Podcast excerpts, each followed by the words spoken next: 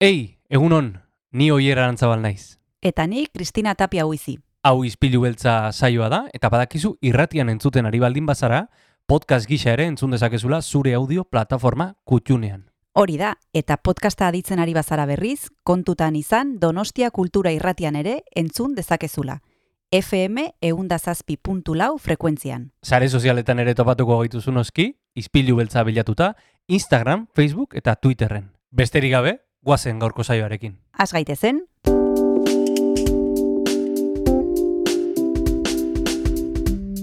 Ispilu beltza. Donostiako kulturaren berri, Oyer Arantzabal eta Kristina Tapia buizirekin. Egun hon entzule, zauden lekuan zaudela, hau izpilu beltza da, eta goizero bezala, bagatoz, mandanga honarekin.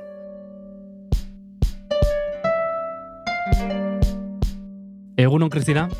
Egun hon oier, Bueno, beti ekartzen dugu guk e, mandanga ona, ona, ez? Kultura ona, e, danetarik, ez da? mandanga ona oso arraro egiten zait. Ja, bai, bai. Bueno, batzutan, bakizu, kafe gehiagi. Ba, batzutan oso gaztea zara. Hori da, hori da. E, Ez dakit, ja nago puntu hortan, ez dakizuna, ja, noiz, Bai. noiz uti zenion gazte izateari, Bai. eta noiz hasi zinen. Zuk uste duzu igual gaztea zarela, baina ez zara hainbeste, eh?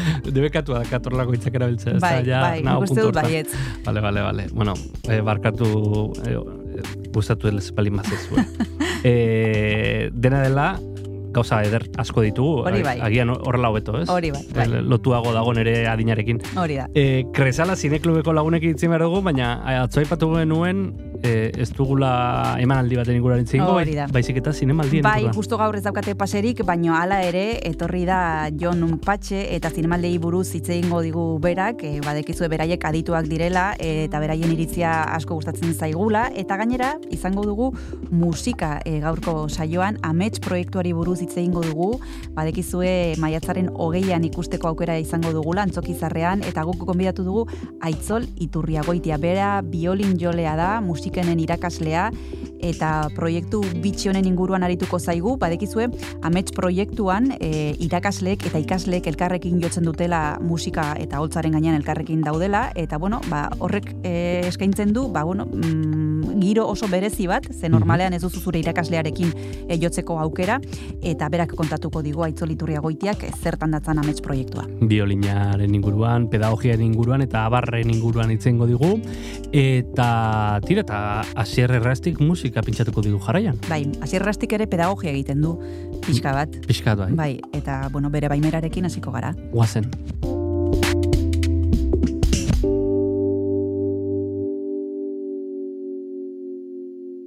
Egun honen zule, zer moduz hasi dugu aste artea. Tira, gaurko ispilu beltzari hasiera emateko, egunero egiten dugun moduan, kanta bat entzungo dugu. Eta horretarako gaurkoan, donostian geratzea erabaki dugu. 2000 eta garren urtean entzun ahal izan genuen, bueno, ba, jarraian entzungo duguna bestia lehenengo aldiz, eraul izeneko bilduma batean. Hain zuzen, taldearen izen bera duen e, bilduma batean, eraul taldeaz ari garelako. Eta, bueno, ba, urte batzuk beranduago, 2008 garren urtean, kanta hau ba, oso ezaguna egin zen urte horietan, eta kanta hau berriro ere taldekideek hartu, eta bertsionatzea erabaki zuten, ba, beste, bueno, ba, toke, kolore eta erritmo bate ipiniaz. Hau da, eraul taldearen etxea. I was born in a place where the sun shine. I grew up in a place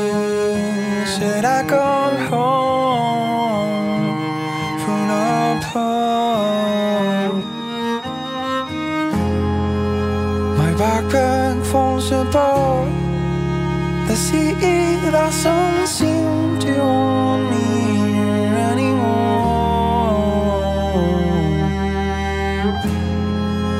My fellows are apart, and they don't seem to fear what's to come.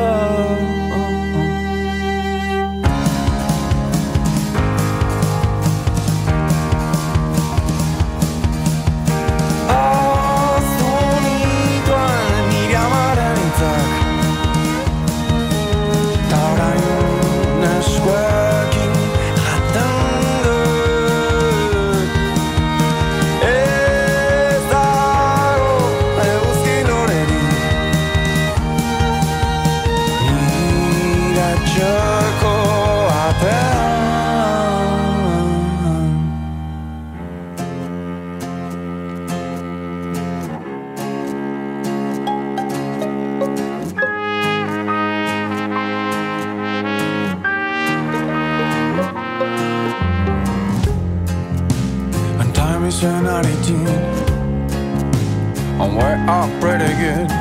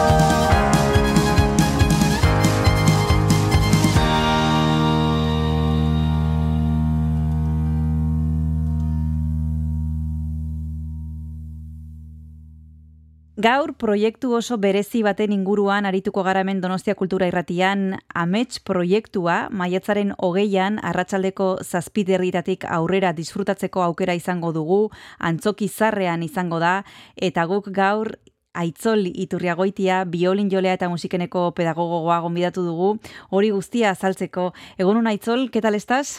Kaiso, Egunon, muy bien, muy bien, encantado de estar aquí con vos- contigo. Bueno, como hemos dicho en la introducción, Aitzol, este es un proyecto muy especial y lo primero de todo nos gustaría saber cómo surge esta iniciativa y en qué consiste. Bueno, eh, esto, esta idea, este proyecto, el AMETS Proyectua, ha, ha nacido de la necesidad de mostrar a la ciudadanía un poco la labor que, que realizo en, en Musiquene como pedagogo. Y sobre todo, sobre todo se trata de ayudar a los, a los alumnos a que todo lo aquello que hablamos en, en, en- en el aula y en todas las audiciones que hagamos, eh, que, que realizamos, que las podamos hacer en, en el público, fuera de Musiquene. Es decir, darles una sensación como una práctica laboral eh, fuera de- del centro, ¿no? Fuera del sitio donde ellos están acostumbrados a tocar. Evidentemente, ya en Higiene también ya realizan muchas actividades, tienen muchos convenios y ya tienen muchas ah, actividades extra, eh, las cuales también pueden participar en diferentes tipos de proyectos, pero eh, la principal característica de este proyecto es que lo pueden realizar conmigo, es decir, ah, que salimos juntos al escenario. Mm, Entonces, y, eh, de eso se trata, ujú. de em, salir fuera de Musiquene y además que no solamente me vean como un pedagogo, sino también como intérprete que soy, eh, que estoy todo el rato dando conciertos, eh, ya sea de música de cámara o de como solista, Ujú. eh, por toda la península y también en el extranjero. Entonces, eh, para ellos es un gran aliciente que escoja alguno de ellos o, o, o, eh, o hago una orquesta de cámara, eh, entonces puedes- pueden tocar todos, alguna vez toca alguno como solista, y esta vez, eh, eh, eh, bueno, no es solamente esta vez, ya en, en el comienzo de, de Ames Proyectua, yo tengo que, estoy muy agradecido a Carlos Benito de, de, de Sí. Nostia Música, Sí. él nos dio la posibilidad de, po- de presentarlo. ¿No? Y la primera vez lo pudimos hacer en el Victoria Eugenia, en la sala de, de cámara, Ajá. y eh, luego también lo, lo he podido realizar en, en- en el Festival de Panticosa. eh, Sí. La directora del festival, Carmen Esteban, también eh, nos apoyó en esta iniciativa. Y ahora vamos a realizar una vez más este proyecto, de, pero esta vez vamos a, a incluir a más músicos. Es, decir, vamos a tocar el octeto de Schubert Sí. con motivo de, de- del festival, que el tema, el tema central es Schubert. Entonces, eh, vamos a tocar junto con otros profesores de Musiquene, que um, eh, van a ser eh, José Luis Estellés al clarinete, Julio Pastor con trabajo y Natasha Chitz, eh, que Ujú. son grandes pedagogos de Musiquene, junto a más alumnos, no solamente de violín, sino también de violonchelo, de trompa y fagot. Y los nombres son, eh, de violín está mi alumno Rubén Fernández, eh, y a violonchelo es María Sasleva, Sí. eh, trompa es Tom Caneda y fagot Pablo Castellanos. Entonces estamos ya ensayando y estamos eh, em, montando esta obra monumental de, de Schubert para, para este día 20 de, de mayo y nos hace Ujú. mucha ilusión. Y Aitzol, ¿cuál es la dinámica? Porque si no me ha parecido entender mal, eh, tú vas escogiendo a los alumnos que participan o ellos sí tienen que proponer. ¿Cómo conformas el, el grupo? No, esto, esto lo, de, lo decido yo también en relación a las posibilidades que, que se nos da. Ajá. Es decir, nosotros eh, para este proyecto, por ejemplo, Carlos ya sabe que, eh, Carlos Benito ya sabe que yo tengo este proyecto, entonces me dice, oye, Ichol, ¿te interesaría hacer esto? Y he dicho, fantástico, pues podemos hacer esto. Es decir, es un poquito, pues, eh, eh, tiene, que, tiene que ver con, con lo que se nos pide hacer, pero también yo también tengo proyectos, ideas, por ejemplo, la primera vez eh, realicé una orquesta de cámara con, con todos alumnos de musiquene, todos los alumnos de violín e incluso los que tocaron la viola eran mis alumnos y eh, eh, conseguí una contrabajista y dos chelistas y un, un clavecinista de musiquene y interpretamos las cuatro estaciones de Vivaldi y yo Ujú. era el solista. Ujú. Entonces, eh, esto va ocurriendo un poquito, eh, eh, pues bueno, pues dependiendo de cómo son las situaciones, de qué- intereses puede haber. Por ejemplo, en el Panticosa, eh, el Festival de Panticosa, Tocando el Cielo, cuando lo propusimos, ah, tuve la idea de que uno de mis alumnos, eh, eh, porque también su padre eh, es un, un- un querido amigo y, y un magnífico viola, Humberto Armas, pues su hijo está estudiando conmigo y también su mujer, Noemí, eh, también estaban eh, eh, en el festival, entonces dijimos, bueno, pues podemos hacer música de cámara juntos y además eh, Sebastián, Arma, eh, Sebastián Armas, el- el- el- mi alumno e hijo de Humberto, pues pudieron, eh, interpretó solo junto, junto con Noemí ah, y estuvimos haciendo, pues bueno, música de cámara y además también mi alumno pudo tocar en un festival profesional y bueno, pues eso es un gran aliciente, una gran Claro, motivación para nosotros. Claro, claro. Eh, es una cuestión de, de- depende de la situación, depende del momento, de las necesidades, de, de cómo se da. No es algo am, así como muy, muy calculado, sino eh, hay, que, hay que ser flexible. Vamos a seguir hablando de este proyecto tan especial con Aitzol y Turriagoitia, pero nos vamos a tomar antes un descanso y continuamos enseguida.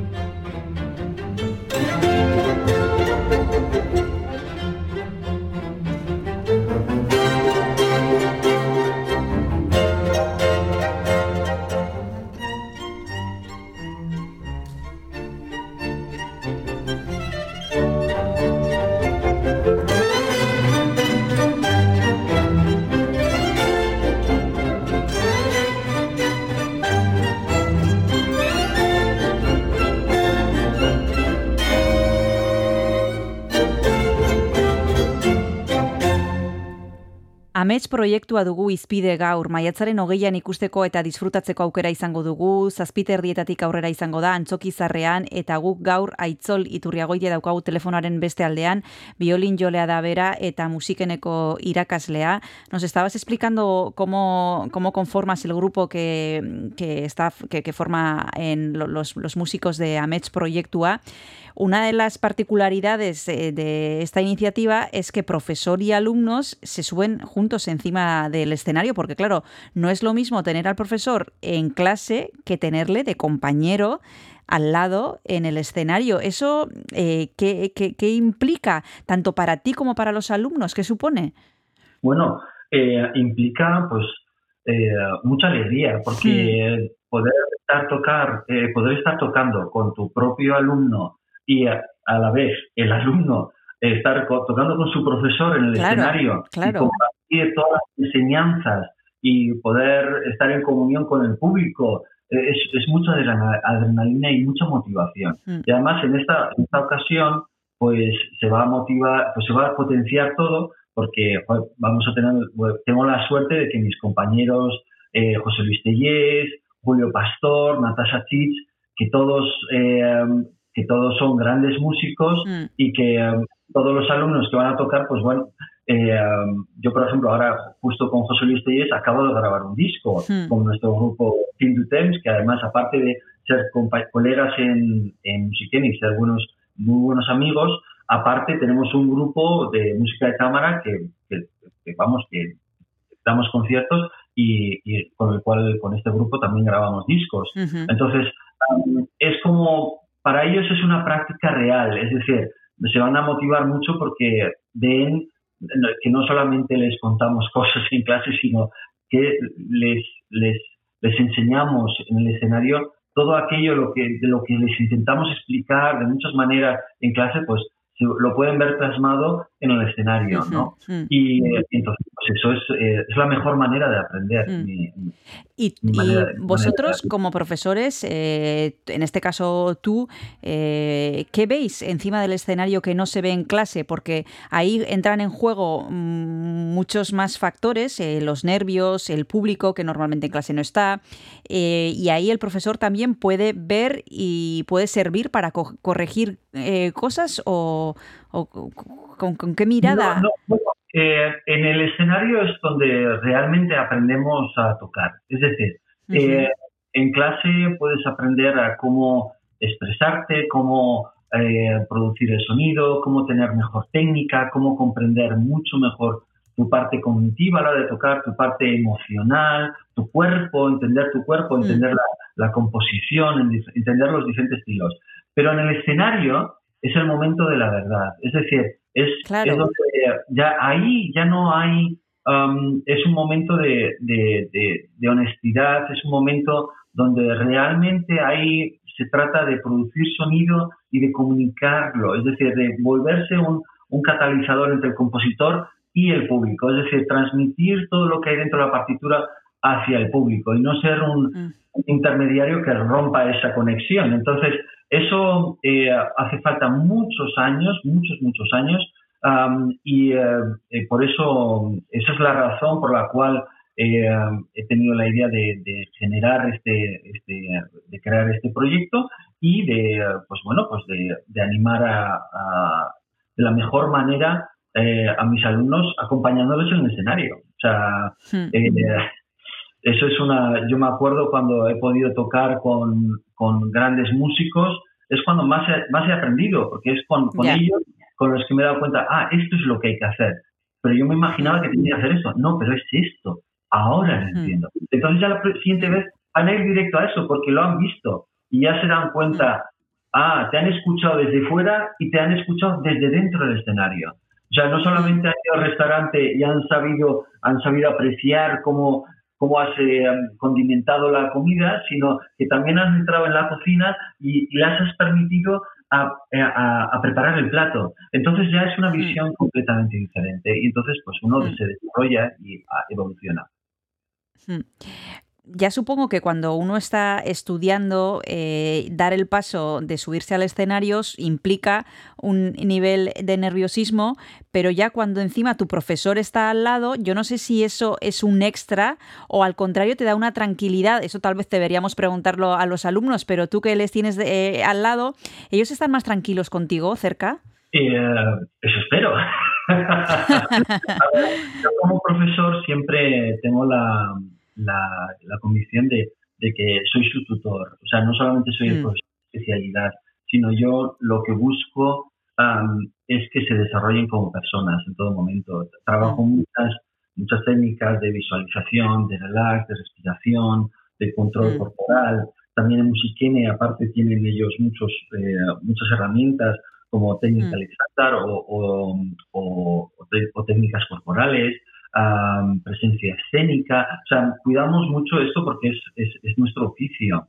Entonces, eh, pues bueno, cuando estás ensayando eh, con tu alumno y le estás sonriendo y le estás animando, al final se, se genera un ambiente cordial y, y, lo único que puede ocurrir es que, que vaya mejor. Evidentemente, si, eh, si generas un, un, ambiente de discordia, pues entonces el, el alumno estará estará completamente atacado. Y eso es, pero esa no es la idea, ¿no? O sea, tal, como lo describo en el, en el, con AMEX Proyectos, o no, Proyecto Sueño, eh, mi intención es que, que los alumnos eh, pues tengan una sensación muy bonita, ¿no? Por ejemplo, después del primer proyecto, eh, nos fuimos a, no a una siderería, sino a, un, a, un, a casa de, bueno, a casa de uno de los alumnos que tenía, que vivían en el campo, y uh, entre un, un, colega mío, Javier, Javier Pérez Azpeitia, y que uh -huh. entonces estaba como, era el repertorista de mi clase, pues, uh, pues el pianista repertorista de mi clase, pues eh, montamos una cena para los alumnos, estuvimos ahí hasta las tantas, hablando, charlando, haciendo la barbacoa con ellos. Es decir, intentamos que tengan una sensación positiva, que tengan recuerdos bonitos, que en definitiva es lo que nos vamos a llevar, los recuerdos. Uh -huh nada material. Eso es. Eso es. Entonces, hay los recuerdos a Mensch Proyecto, hay, por ahí van un poquito los tiros. Eso es lo que intento eh, mm. y, y, poco más.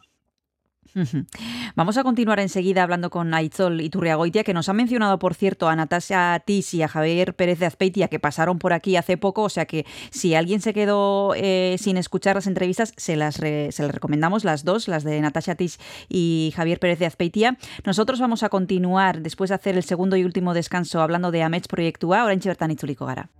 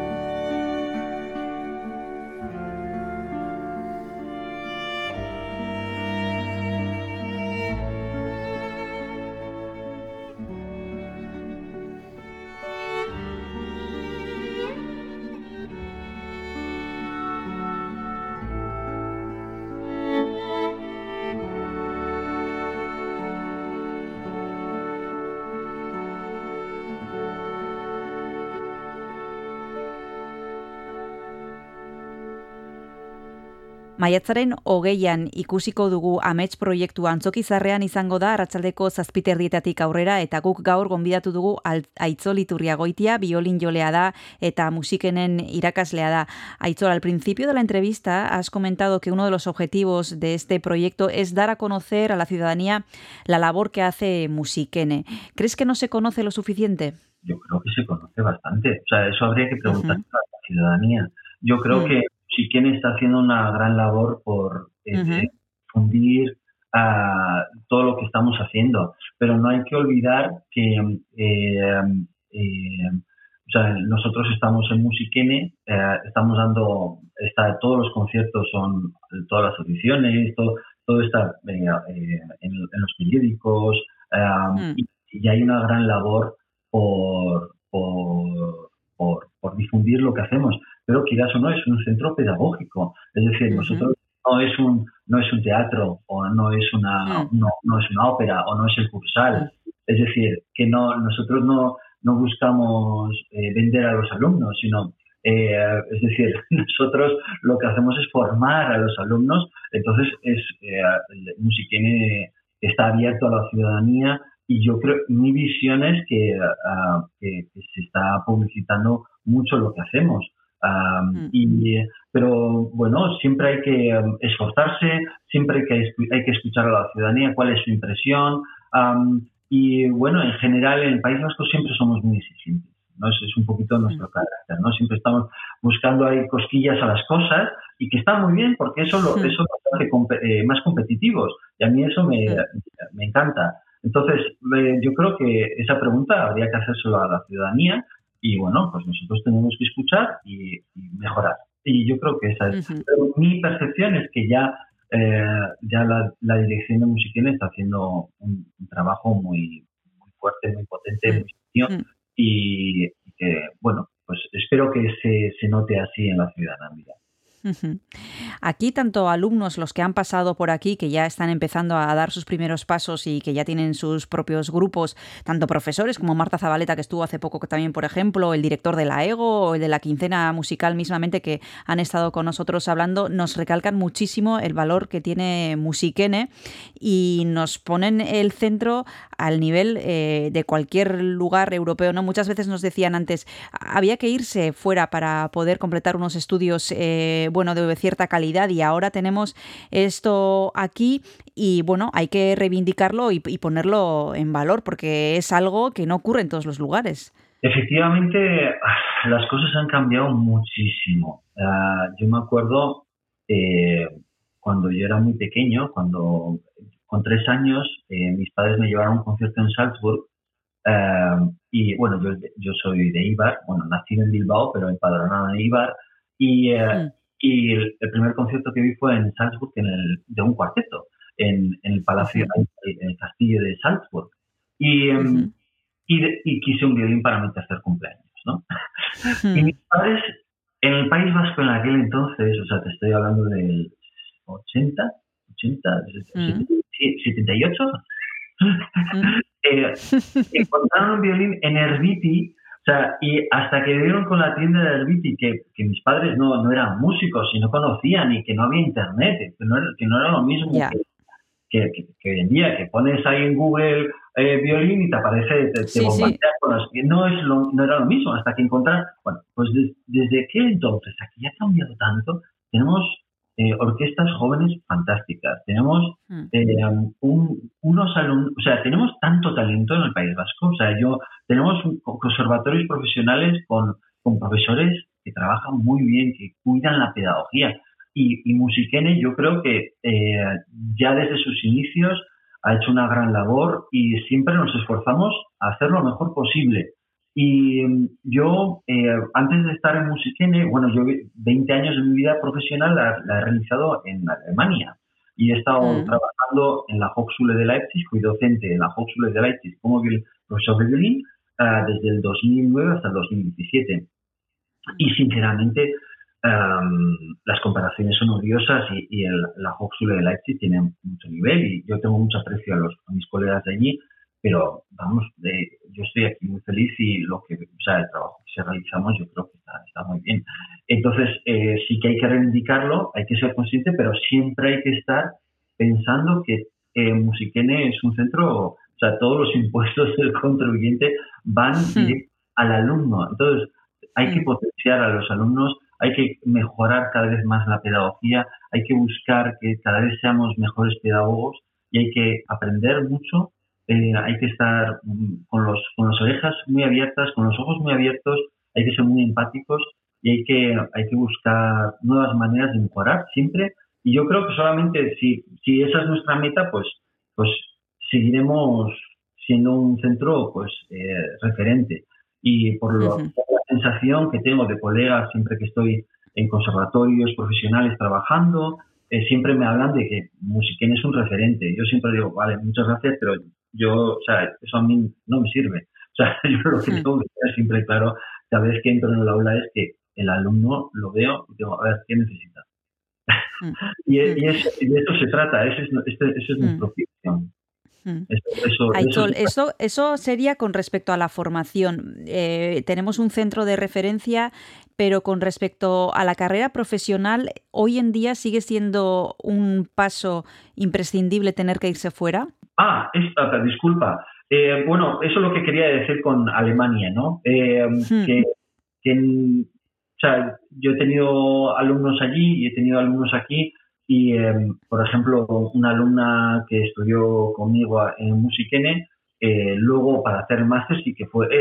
ir al extranjero sí que es importante por el tema de los idiomas, no para Ajá. formar, por el tema de abrir los horizontes, de abrir, de abrir otras maneras de tocar, otros estilos, otra, para eso sí es importante. Para como músico hay que viajar. O sea, eso es eso es eh, eso es, eh, está dentro del manual.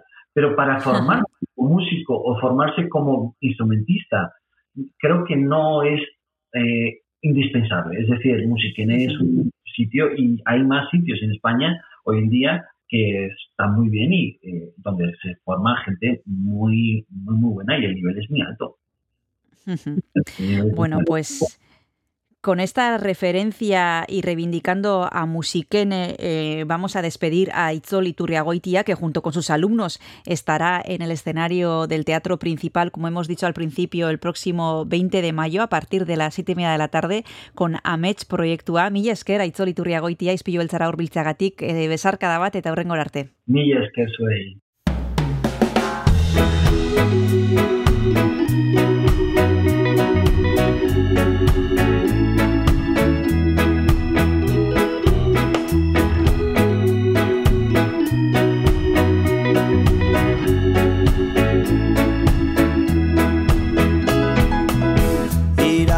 Goyana.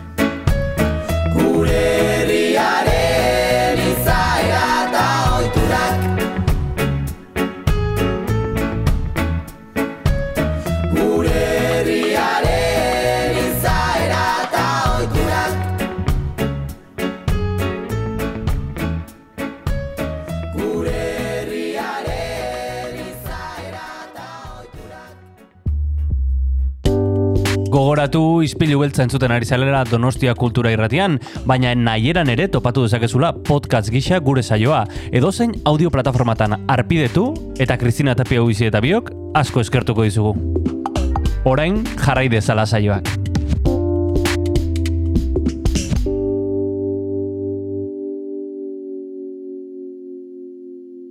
Asteartea da, entzule eta badekizue asteartetan itzordua daukagula zinemarekin. Eta horretarako konbidatzen ditugu Kresala Zineklubeko lagunak, badekizue astero-astero proiektzia izaten dutela trueba zinemetan arratsaldeko zazpiterdietan, baina justu gaur ez daukate hala ere ez dutena izan galdu gurekin zeukaten zita eta telefonoaren beste aldean Jon Patxe daukagu Kresalako kidea da bera eta aipatu behar digu edo berarekin eh, komentatu behar dugu berak duela hilabete batzuk izan zuen esperientzia bat eh, Berlinalen egon zen eta kontatuko digu zer moduz eta zer ikusi zuen. Bertan, egunon Jon, zer moduz zaude? Kaixo, egunon, hementxe hitz egiteko gogoz. Egia esan, usten, uste nuen ezingo nula inun kontatu nire esperientzia Berlinalen, eta bueno, aukera paregabea izan dugu ontan kontatzeko. Bueno, aprobetxatu behar dugu hemen gaudela elkarrekin, Jon, e, ze, bueno, ni adibidez inoiz ez naiz egon Berlinalen, Berlinen bai, baino ber, ez Berlinalen, eta orduan aprobetxatuko dugu zure begietatik ezagutzeko nolakoa den e, jaialdi hau. Ze, bueno, agian entzuleren batek ezagutuko du Donostiako zinemaldia, baina ez da egon zu bezala otsailean urtean, e, Berlingo, e, Berlingo hiriburuko e, jaialdi ospetsu hontan. Esan behar dugu, A kategoria daukan e, jaialdia dela, e, Venezia, Kan eta Donostiarekin batera, eta bueno, azteko, e, akreditazioarekin joan zinen edo ez, Jon? Akreditatua jo nintzen, bai, Mhm. kresalareko, kresalako akreditazioarekin hori da. Ados. Bueno, akreditazioa lortzea, erresa da, zaila da, garestia, e, paper asko, gestio asko, kontatu pixkat nola izan zen hemengo prestaketa. Ba, bueno, eh, esan dezun bezala nire Berlinen egon gabe nintzen, lehenengo aldia zan, ordun dena berria izan zan, eta egia da, nik akreditatu bezala egin dut bakarrik Donostiako festivala, zinemaldia, Mhm, mhm. eta bertan, ba, ja, kresala, e, ba, aspaldi dadik dago Bai. akreditatu. Orduan, nahiko erresa tramitea. Orduan, niretzako oso desberdina izan da Berlinekoak, eta lan desente suposatu dira, ze guk ditugun, osea, tekst, tekstu batzuk, ez, e, gure e, balkarteari buruz hitz egiten dutenak, ingelerara pasa behar izan ditugu, Mhm. eta, bueno, eta, eta bueno, horrek lana suposatu du, ezta? E, baina, bueno, da, pape, e, entregatu behar dezu hori, beraiek onartu behar dute ea nahikoa den edo baliogarria den akreditazioa lortzeko, Mhm. eta ondoren, ba, betiko gauzak, ba, ba, ordainketa egin behar da, argazkiak bidali, Mhm. eta bar. Baina Mhm. bai, hori, inglese, e, inglesera, e, ba, pasatze hori izan da, bueno, lan handia, baina bai, lantxo bat izan da. Baina, bueno, gusta asko egin dudana. Aipatu duzu hizkuntza Jon, e, Bai. bertako hizkuntza, bueno, badekigu Alemanian gaudela, baina bertako hizkuntza edo lan hizkuntza inglesa da, moldatu altzara inglesez? Bai, noski, dudari gabe. Eta, osea, irian, bai, erantzuna bai da, baina e, festivalean seguru, Mhm. ingelera da entzuten dana, ez? Beti ingelera. Ederki, Bai, bueno, behin e, iristen zara Berlinera, e, kontatu iguzu pixkat nola dagoen antolatuta e, Berlinal, e, Berlinale jaialdia. E, aretoak hurbil daude, hemen adibidez, ba, badaukagu, e, esan dezakegu triangelu edo lauki bat, tabakalera kontatzen badugu e, e, Victoria Eugenia Kursal, tabakalera antzoki zarra, eta nahiko gertu daude espazio guztiak, antigu berri geldituko litzateke pixka bat urrunago, baina bueno, e, prentsa paseak eta e, ez daude ez daudean. E, Berlinen nola dago fisikoki antolatuta e, jaialdia? Bueno, hori, lehenengo gauza oso ondo antolatuta dago, Mhm. eh, aurreko egun guztiak informazioa nola bidaltzen dizuten eta, baina noski, eh, Donosti Berlinen ondoan da herritxo bat, ez? Mhm. Eta orduan hori nabaritzen da, ez? Kriston infrastruktura potenteak dauzkate, baina distantziak handiak dira, ez? Neri tokatu zitzaidan egun batean, claro, horrek zail, zaildu egiten zuen ere, ba, antolaketa egunan zehar, e, nola pelikulak ikusteko, eta orduan beti pentsatzen zenuen, nundik nora joan, nundik... Baina, bueno, behin gertatu zitzaidan adibidez, e, pelikula baterako gogo handia nuela, eta beste baterako ere. Eta ez nuen modurik kuadratzeko, baizik eta juteko, leku batetik, punta batetik bestera. Berlinen. Hola, literalki, ez? Ba, atera kontuak izan ziala ba igual, e, metroz e, hogeita mar minutu. Ostras. Osea, bai, bai, osea, izugarria, ez? E, baina, bueno, egia da berez, prentxarentzako bakarrik pentsatuta dauden ba, paseak edo, bai direla gune hurbilago batean. Baina sekzio importantenetakoak, pixka bat ateratzen bazera sekzioetatik, ba, klaro, ba, ordutegiak eta ondo kuadratzeko, atera bartzara beste pase berezi batzuetara, eta orduan muitu egin bartzara. Mhm. Osea, ni pilo bat muitu naiz. Eh, Kilometroak egin dituzu. bazkaldu, bazkaldu autobusian iterun. Osea, Mm, batzutan, bueno, ez? bueno. Hiru ordu nauzkan, ez? Baina beste batzutan, ba, gutxiago zegon, eta pelikula hori ikusi nahi nuen, eta orduan horrela ibili naiz, bai, bai. Bueno, tartetxo bat hartu behar dugu, Jon, e, oraintxe bertan jarraituko dugu hitz egiten e, Berlinale jai- jaialdiaren inguruan, e, pista batzuk e, ematen ari zera norbaitek nahiko balu joan datorren urtean, ba, bueno, e, ongi etorriko zaizkionak, baina esan bezala tartetxo bat hartu behar dugu, eta horretarako abesti bat eskatu behar dizut, ez dakiz zer pentsatu duzun entzulekin partekatzeko? Ba, begira, hau, e, pentsatzen egon nahi zea besti jarri nezaken, eta esan dut, joe, ba nik beti pelikula bat ikusten detenean tala musika gustatzen bazait, Shazam jartzen dut, ea Bai. ze musika dan, ezta? Eta orduan jun nahi Shazameko azkeneko ba, entzunalditara, Mm. eta ikusi dut bat festivalean, eta gogoratu nahi ze pelikuletakoa zen, ez? Eta orduan da, e, Rotter Himmel, dala A Fire e, inglesez, dala Mhm. Christian Petzolen pelikulako kreditutan azaltzen den musika bat. Bere izen burua da In My Mind. Ederki, bagoazen entzutera. In my mind,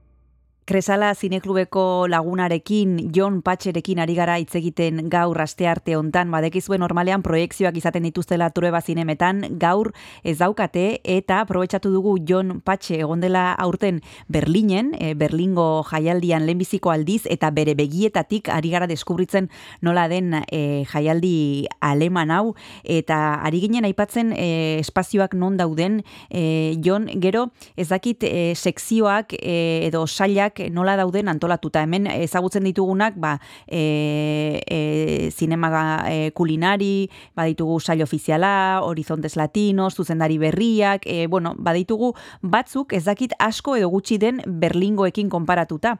Ba, sekzioen aldetik, eh, esango nuke pareko, pareko daudela, ez? Mhm. Eh, sekzio ofiziala noski dagoela, Gero daude, hemen askotan donostian sekzio ofizialean sartzen dira, baino konkursoz kanpo Bai. pelikulak ere, kasu hortan dira pase bereziak deitzen diote, eta beste sekzio bada. Ondoren daukagu ere, ba, oi, hasi berrien sekzio hori edo, ez dala zehazki new directors deitzen, baina bueno, orain enia izena guatzen. Eta gero daude beste pelikula, ba, panorama dago, ez? Panorama Mhm. da pixkat ikuspegi, ba, berriak egiten dituzten pelikulenak, Mhm. Eta gero beste sekzio batzuk, e, ba, ni ez nintzela, ba, ez nintzena, trebitu horieta joatea. e, nahikoa ba neukan hauen artean aukeratzen, orduan, ba, hoiek eukiko genituzkola nagusiki, nere esperientzia meintzat. Mhm. Bai.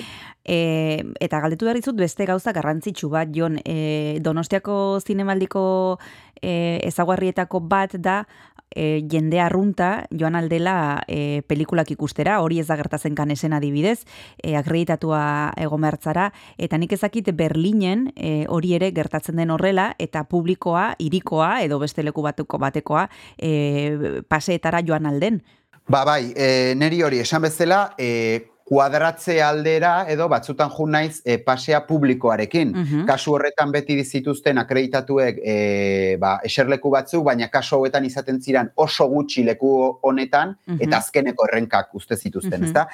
Eta bai iruditu zait e, oso gertukoa ere. E, bai, nik uste oso maitatua dela e, jaialdia, eta eta nabaritzen da, eta nabariatzarazten dute e, organizazioarekin, hau da, e, areto txikietara ere joaten dira adibidez, aktore eta aktoresa oso ezagunak, Mhm. osea, e, bai, os, osea, nik ikusi ditut oso gertu batzuk, ez, ezta? Eta hori publikoak eskertzen du, eta beraz gogo handiz ikusten da, juten dala, eta bizitzen dula esperientzia hau. mhm. Bai, bai. Eta ambiente aldetik, Jon, zer esango zenuke? Hemen adibidez, e, egoten dira txaloak, e, luzeagoak, motzagoak, baina bueno, eta hasieran e, hasierako musikatxo hori ere jartzen dutenean egoten dira txaloak, bueno, badago e, nolabaiteko ritual bat eta oso giro ona e, irailan e, donostian, nik ezakit hori Berlinen, e, beste herrialde bat, urrunago dago, e, beste garai batean, otxailean da, e, nola bizi izan zenuten e, giroa?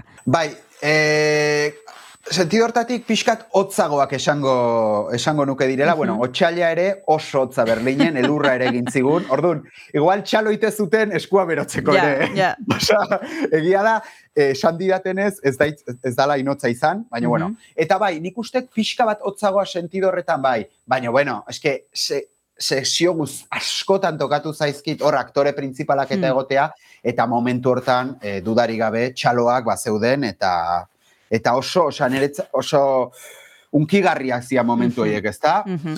E, gainea beti e, joaten nintzenean e, sekzio ofizialeko pelikula batetara edo banekienean norbait egongo zela, e, nahi eta uste nuen denbora gehiago, ondoren, Hmm. ze, ze bueno, eske, pff, momentua izan, naiz ez ezagutu inor, ez, hor dagoena, ez? Mm. Buah, e, bizitzen, hoi bai bizidet, hoi momenturo, ez, egunero, behatzi egun egon itzan, eta, wow, bizitzen un oso potente, eta nik uste bestek ere, baino, Mhm. beti ere sentimentua pixkat barrurago gordetzen bezala iruditzen zait. Mhm. Bai, hori da. Aipatu ditugu aktoreak, e, ez dakit izarrak hemen egoten dira pixka bat e, e, e, gure fokuan e, asko dira, gutxi dira, ez dira e, sobera ezagunak, beti egoten da eztabaida, ez, e, iragartzen dituztenean izenak e, horren inguruan alfombra gorria bera, gora, ez dakit Berlinen e, izarrak e, joan joaten diren pelikulak aurkeztera edo zentzu hortan ere xumeagoa den.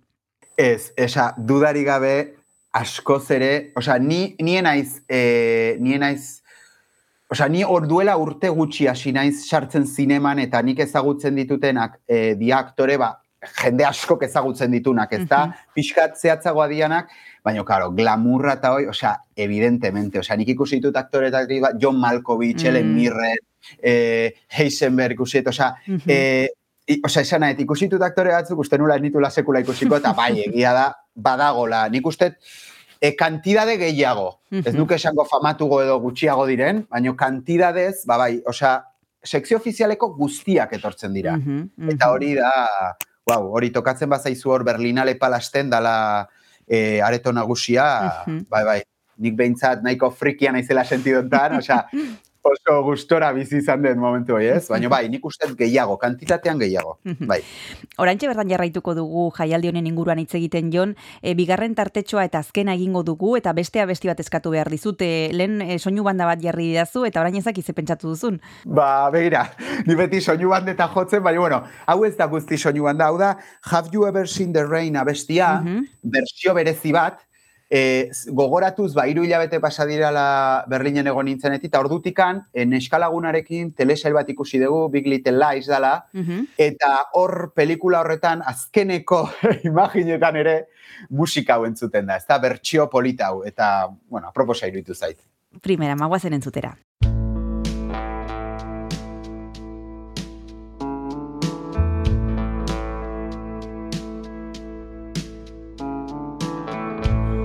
Someone told me long ago there's a calm before the storm. I know it's been coming for some time. When it's over, so they'll say it'll rain a sunny day. I know, shining down like water.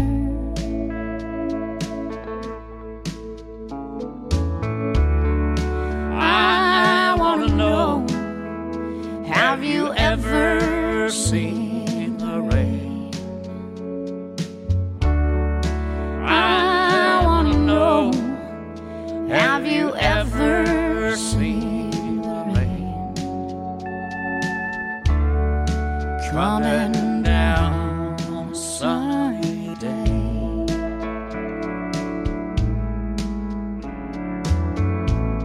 Yesterday and days before, the sun is cold, the rain is hard, and I know it's been that way for all my time. till forever on it goes. Through the circle, fast and slow, I know it can't stop. I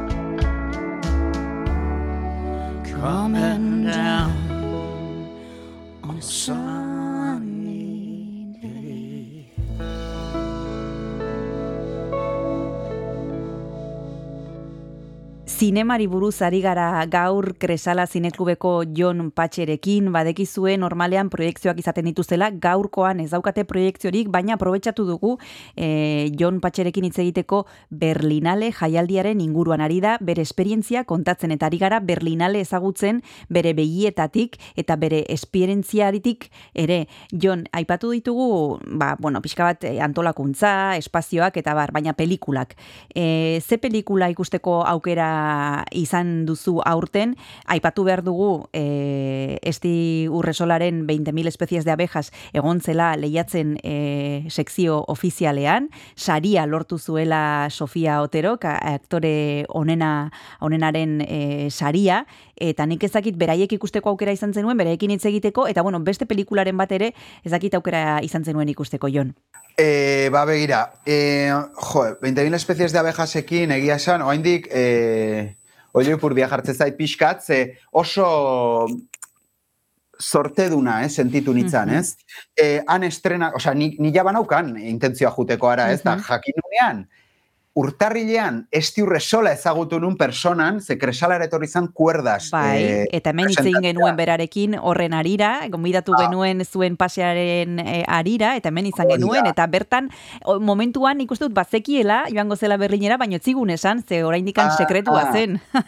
Vale, claro, claro, claro. Egia da, gainera, usten dut, eh, proiektua eta urrengo egunean, edo horti bi Mm. egunetara jakintzala, ez da? Mm. Orduan, nila eh, badaukat hori, ez bea ezagutzea, ez? Ta ikusita ze jatorra zen ere, ba ilusio egiten dizula Mhm. gertutasunagatik ere.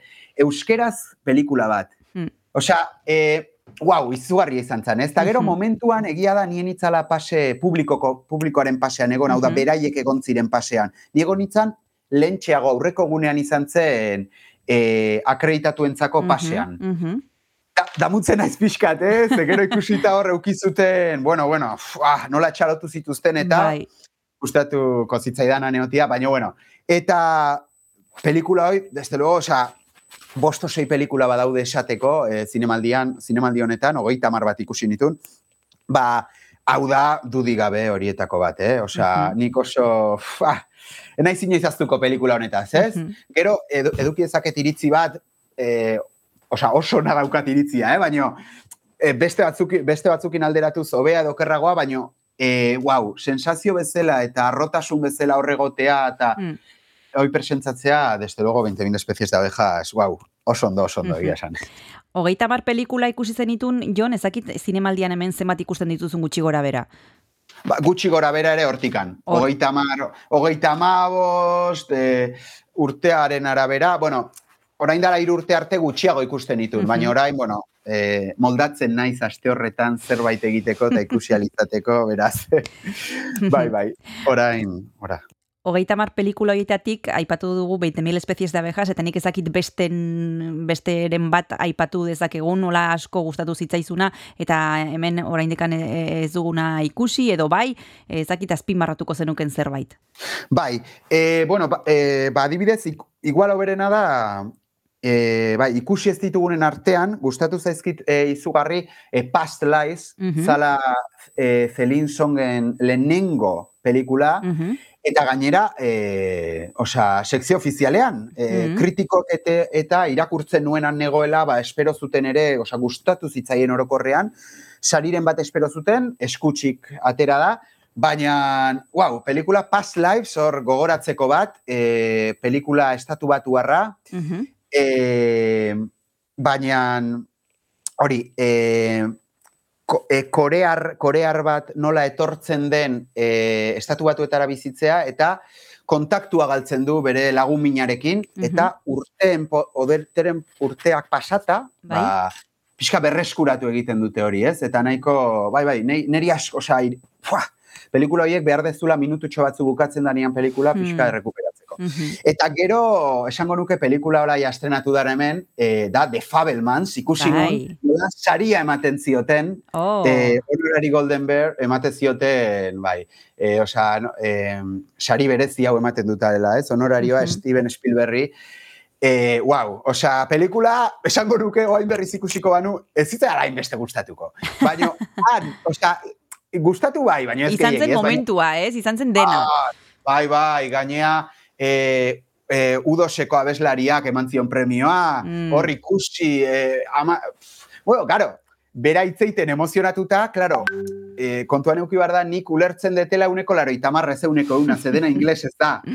Orduan, bueno, baino oso espektakularra, osea, eta gainea, claro, hortze- hor genten guztiak, bueno, ni igual gutxienetako bat, zian eh, fans, pero a tope, ez? Mhm. Steven Spielberg, orduan beti txalotze zan, da, eta pelikula bat horrela ikustea, desde luego, esperientzia bikaina ere, bai, bai.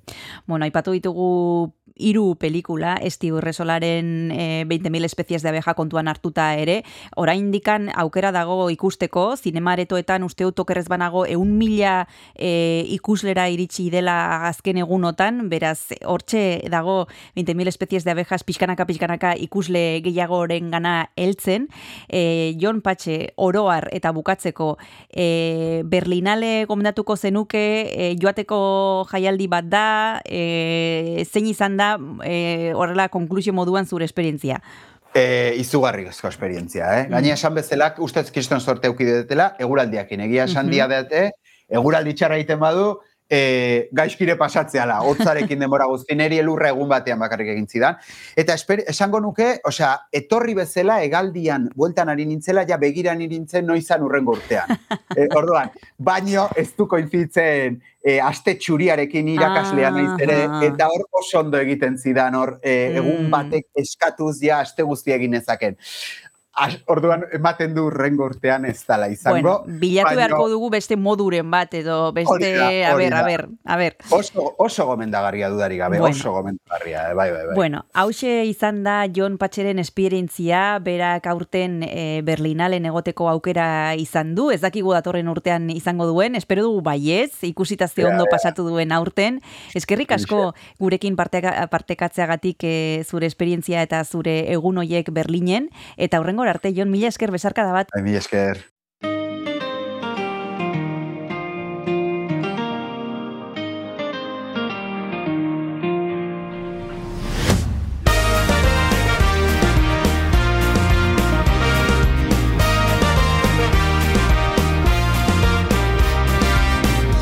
Si no t'esperes no t'abraça la lluna de mitjanit. Si corres massa se t'escapa.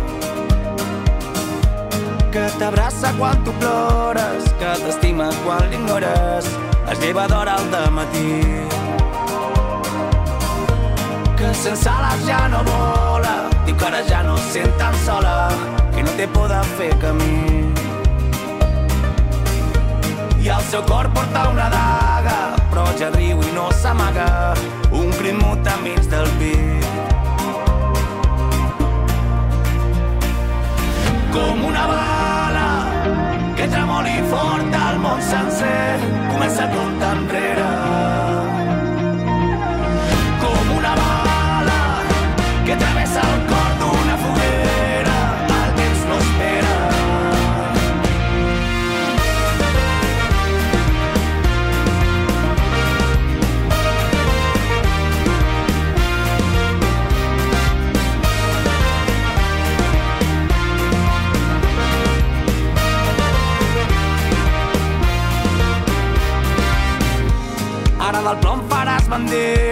Abans no creuis la frontera. És que es pot mostrar ferit. Es pot mostrar ferit. I el rellotge que no para, els dies i les setmanes, els segons entre els teus dits. Tens les mans plenes de força, apreta fort, sigues valenta, com una flor brillant de nit. Sent la vida com t'abraça, ara et crida i no t'espanta, va fent ample el teu camí.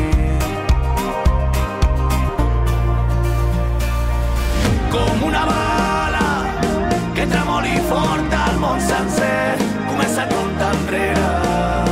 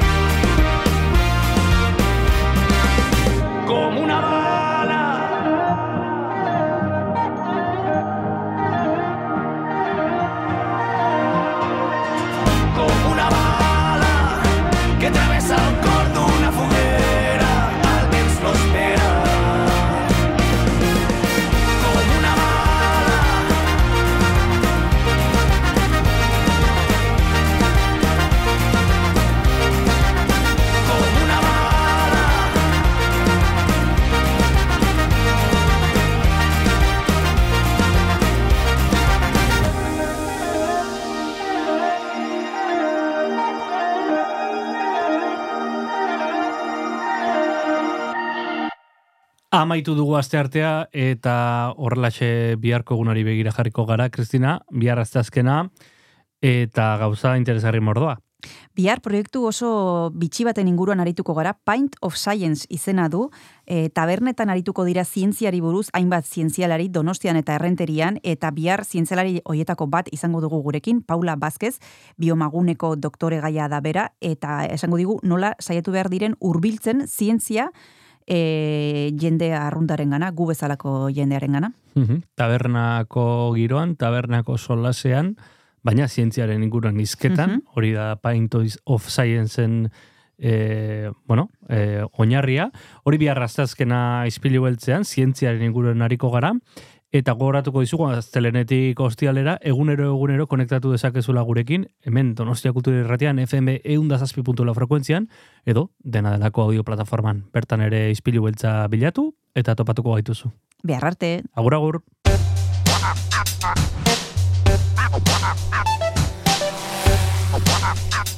Donostia Kultura Irratia.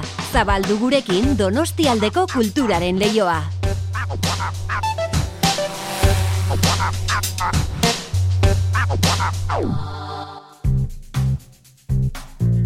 Kanta katilua. Kaixo entzule, ongi etorri ispilu beltza irratsaiora, hemen eh, badakizue kantakatilua atalean eh, musikari egiten diogula tartea eta gaurkoan ere alaxe egingo diogu. Horretarako baina Durangaldera berrizera egin beharko dugu salto bertakoak direlako sei urte taldea osatzen duten musikariak. 2000 eta amabosgarren urtean plazaratutako estudioko lan bat entzungo dugu datozen minutuetan eta ezpalak du izena, gozatu.